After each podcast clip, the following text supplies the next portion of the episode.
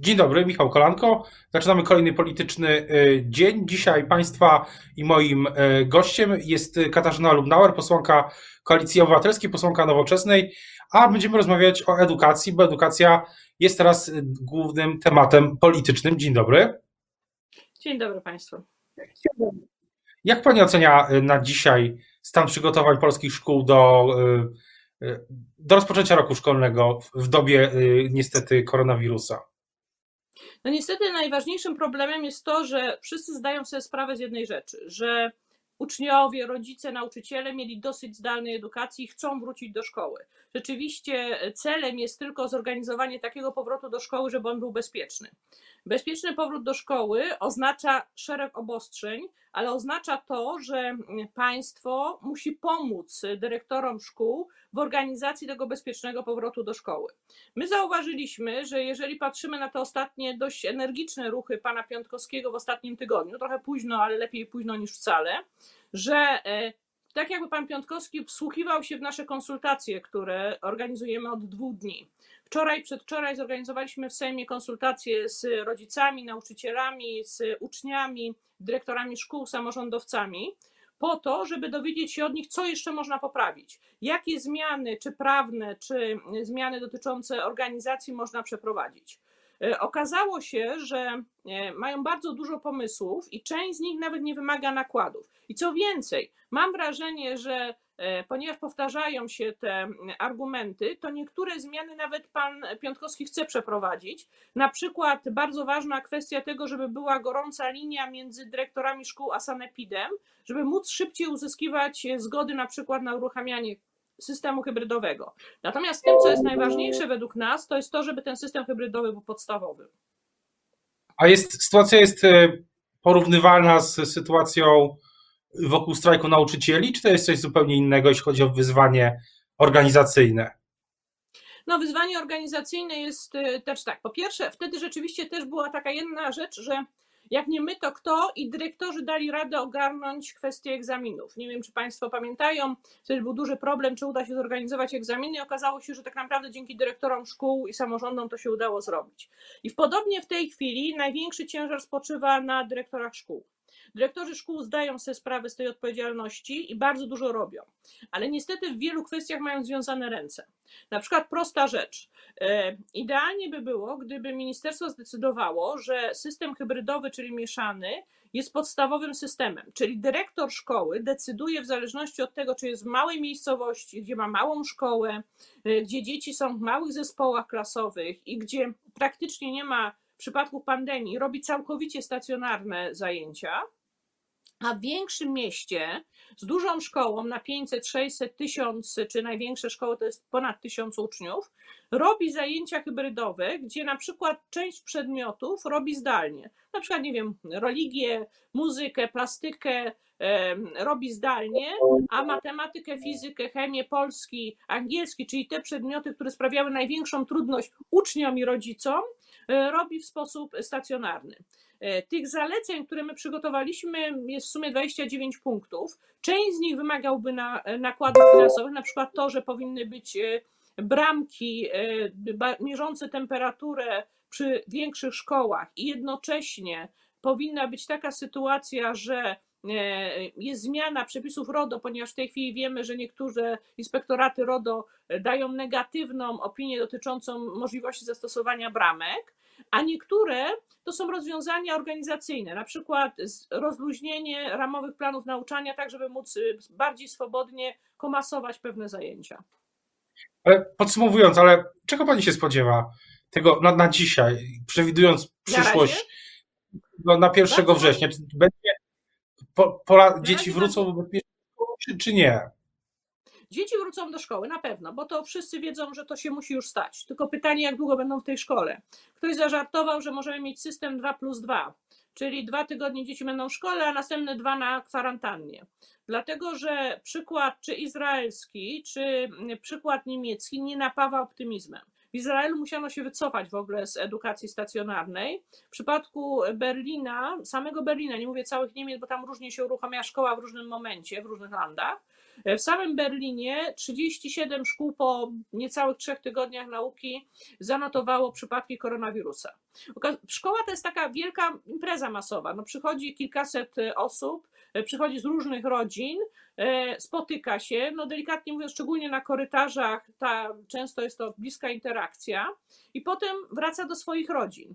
W związku z tym łatwo, łatwo tym wszystkim, którzy wiedzą, co się działo po weselach, wyobrazić sobie, co się dzieje po takim spotkaniu e, w szkole.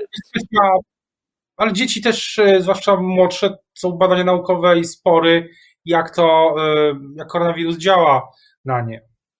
Znaczy tak, wiemy, że e, młodsze dzieci e, lżej przechodzą koronawirusa. Przypadków śmierci wśród e, młodszych dzieci, wśród dzieci w ogóle jest zdecydowanie mniej niż wśród dorosłych, szczególnie osób starszych z tak zwanymi chorobami współistniejącymi. Tylko problemów jest kilka. Po pierwsze, są dzieci obciążone, są dzieci po przeszczepach, są dzieci, których rodzice są po przeszczepach, są dzieci z cukrzycą, z ich rodzice z cukrzycą. W związku z tym, no oczywiście istnieją te choroby współistniejące w społeczności również e, szkolnej. Po drugie, my nie wiemy tak naprawdę, jaka jest, jakie jest przenoszenie przez dzieci, bo mamy jeszcze za mało e, doświadczeń związanych e, ze szkołami. Te kraje, które w pełni miały otwarte szkoły, tam nie wszędzie i w niektórych krajach jest lepiej, w niektórych krajach nie napawa optymizmem sytuacja. Przypomnijmy Szwecję. Szwecja postawiła na pełną E, otwartość praktycznie wyszła z założenia, że koronawirusa trzeba po prostu przeżyć. No i niestety ma rekordową ilość, e, jeśli chodzi o śmiertelność w pierwszym półroczu e, tego roku, a ilość śmierci na milion mieszkańców u nas jest na razie 52, bo to rośnie niestety, a u nich jest 580. No więc widać, że za tą politykę trochę też płacą my jesteśmy troszeczkę w tej na tyle dobrej sytuacji, nie wiem jak to jest w przypadku Szwecji, ale w porównaniu na przykład do Hiszpanii i Włoch ze względu na to, że polskie społeczeństwo było szczepione na e, gruźlicę i wiadomo, już w tej chwili widać tą korelację, że te społeczeństwa, które były szczepione na gruźlicę, trochę lżej przechodzą e, koronawirusa i mniejsza śmiertelność. Wracając do e, samej czystej polityki, czy spodziewa się Pani, że jeśli coś pójdzie nie tak, to minister Piątkowski po prostu zorganizuje konferencję i powie, że to wina nie wiem, samorządów, wina Rafała Trzaskowskiego, czy, czy wręcz wina y, Donalda Tuska, jak to się popularnie No mówi. niestety właśnie widzimy to, że przerzucono właściwie całą odpowiedzialność na samorządy i na dyrektorów szkół. To jest przykra rzecz, dlatego że mm, no można powiedzieć, że najtrudniejsze zadanie, z którym nie poradziło sobie bardzo w wielu krajach całe państwo, przerzucono teraz na ludzi, którzy są naprawdę bardzo odpowiedzialni, którzy naprawdę robią wszystko, żeby tą swoją społeczność szkolną e, uratować. Ja sobie wyobrażam jeszcze jedną rzecz, że mówi się o tym, że być może pan Piątkowski nie będzie dłużej e, ministrem edukacji i pytanie jest, czy nie czekają nad tą zmianą e, na moment, w którym no jakby będzie można to zrobić w sytuacji, w której rzeczywiście okaże się, że ten model, który przyjął, nie sprawdza się. E, oczywiście e, mówię, dla nas jest oczywistym, że podstawowym modelem powinien być model hybrydowy. Dla nas jest oczywiste, że powinny być pewne wytyczne dotyczące e, zmniejszenia obciążenia programami, zmniejszenia właśnie restrykcyjności dotyczącej organizacji lekcji. Jest dla nas też oczywiste, że dyrektorzy powinni mieć jasne wytyczne, co mają zrobić w przypadku, kiedy dziecko chore przychodzi do szkoły, co mają, jaką mają procedurę podjąć, bo zalecenie samo niewiele pomaga, tak samo jak co zrobić z nauczycielami 60, którzy są w największej grupie ryzyka. Ogólnie rzecz biorąc, Jesteśmy w tej chwili na takim etapie, że jeszcze można wiele rzeczy poprawić, tylko trzeba chcieć. Stąd dzisiejsza podkomisja, bo dzisiaj będzie podkomisja, na której ma być Ministerstwo Edukacji Narodowej. Specjalnie dostosowaliśmy do tego godzinę podkomisji na godzinę 15. Ja jestem przewodniczącą tej podkomisji, to jest podkomisja do spraw jakości kształcenia.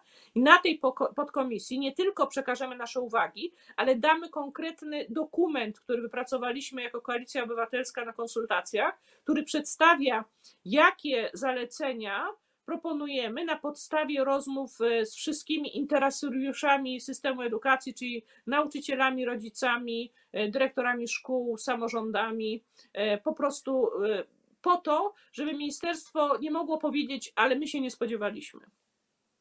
A jakie, jakie Pani zdaniem będą efekty tego całego roku szkolnego, poprzedniego i tego, jeszcze nie wiemy, co się wydarzy, więc trudno to oczywiście przewidzieć, ale już wiemy, wiadomo, to jest nietypowy nie, nie, nie rok, jeśli chodzi o edukację.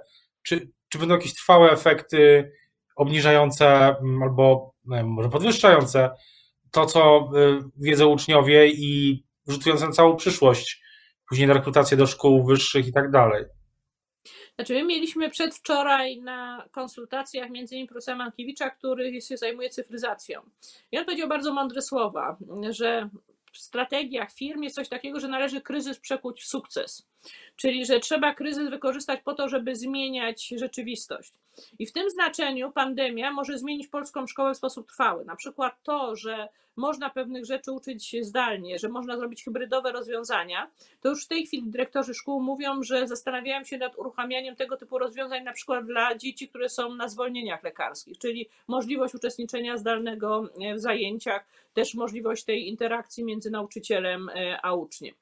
W związku z tym dzieci są dość łatwo, że tak powiem, dostosowują się i e, potrafią, jak się nauczą jednych umiejętności, to się nauczą drugich, co nie? Jeżeli e, nie będą pamiętali wszystkich rektur, pamiętały wszystkich rektur, które były w zeszłym roku, kiedy była zdalna edukacja, to za to nauczyły się lepszej obsługi e, komputera.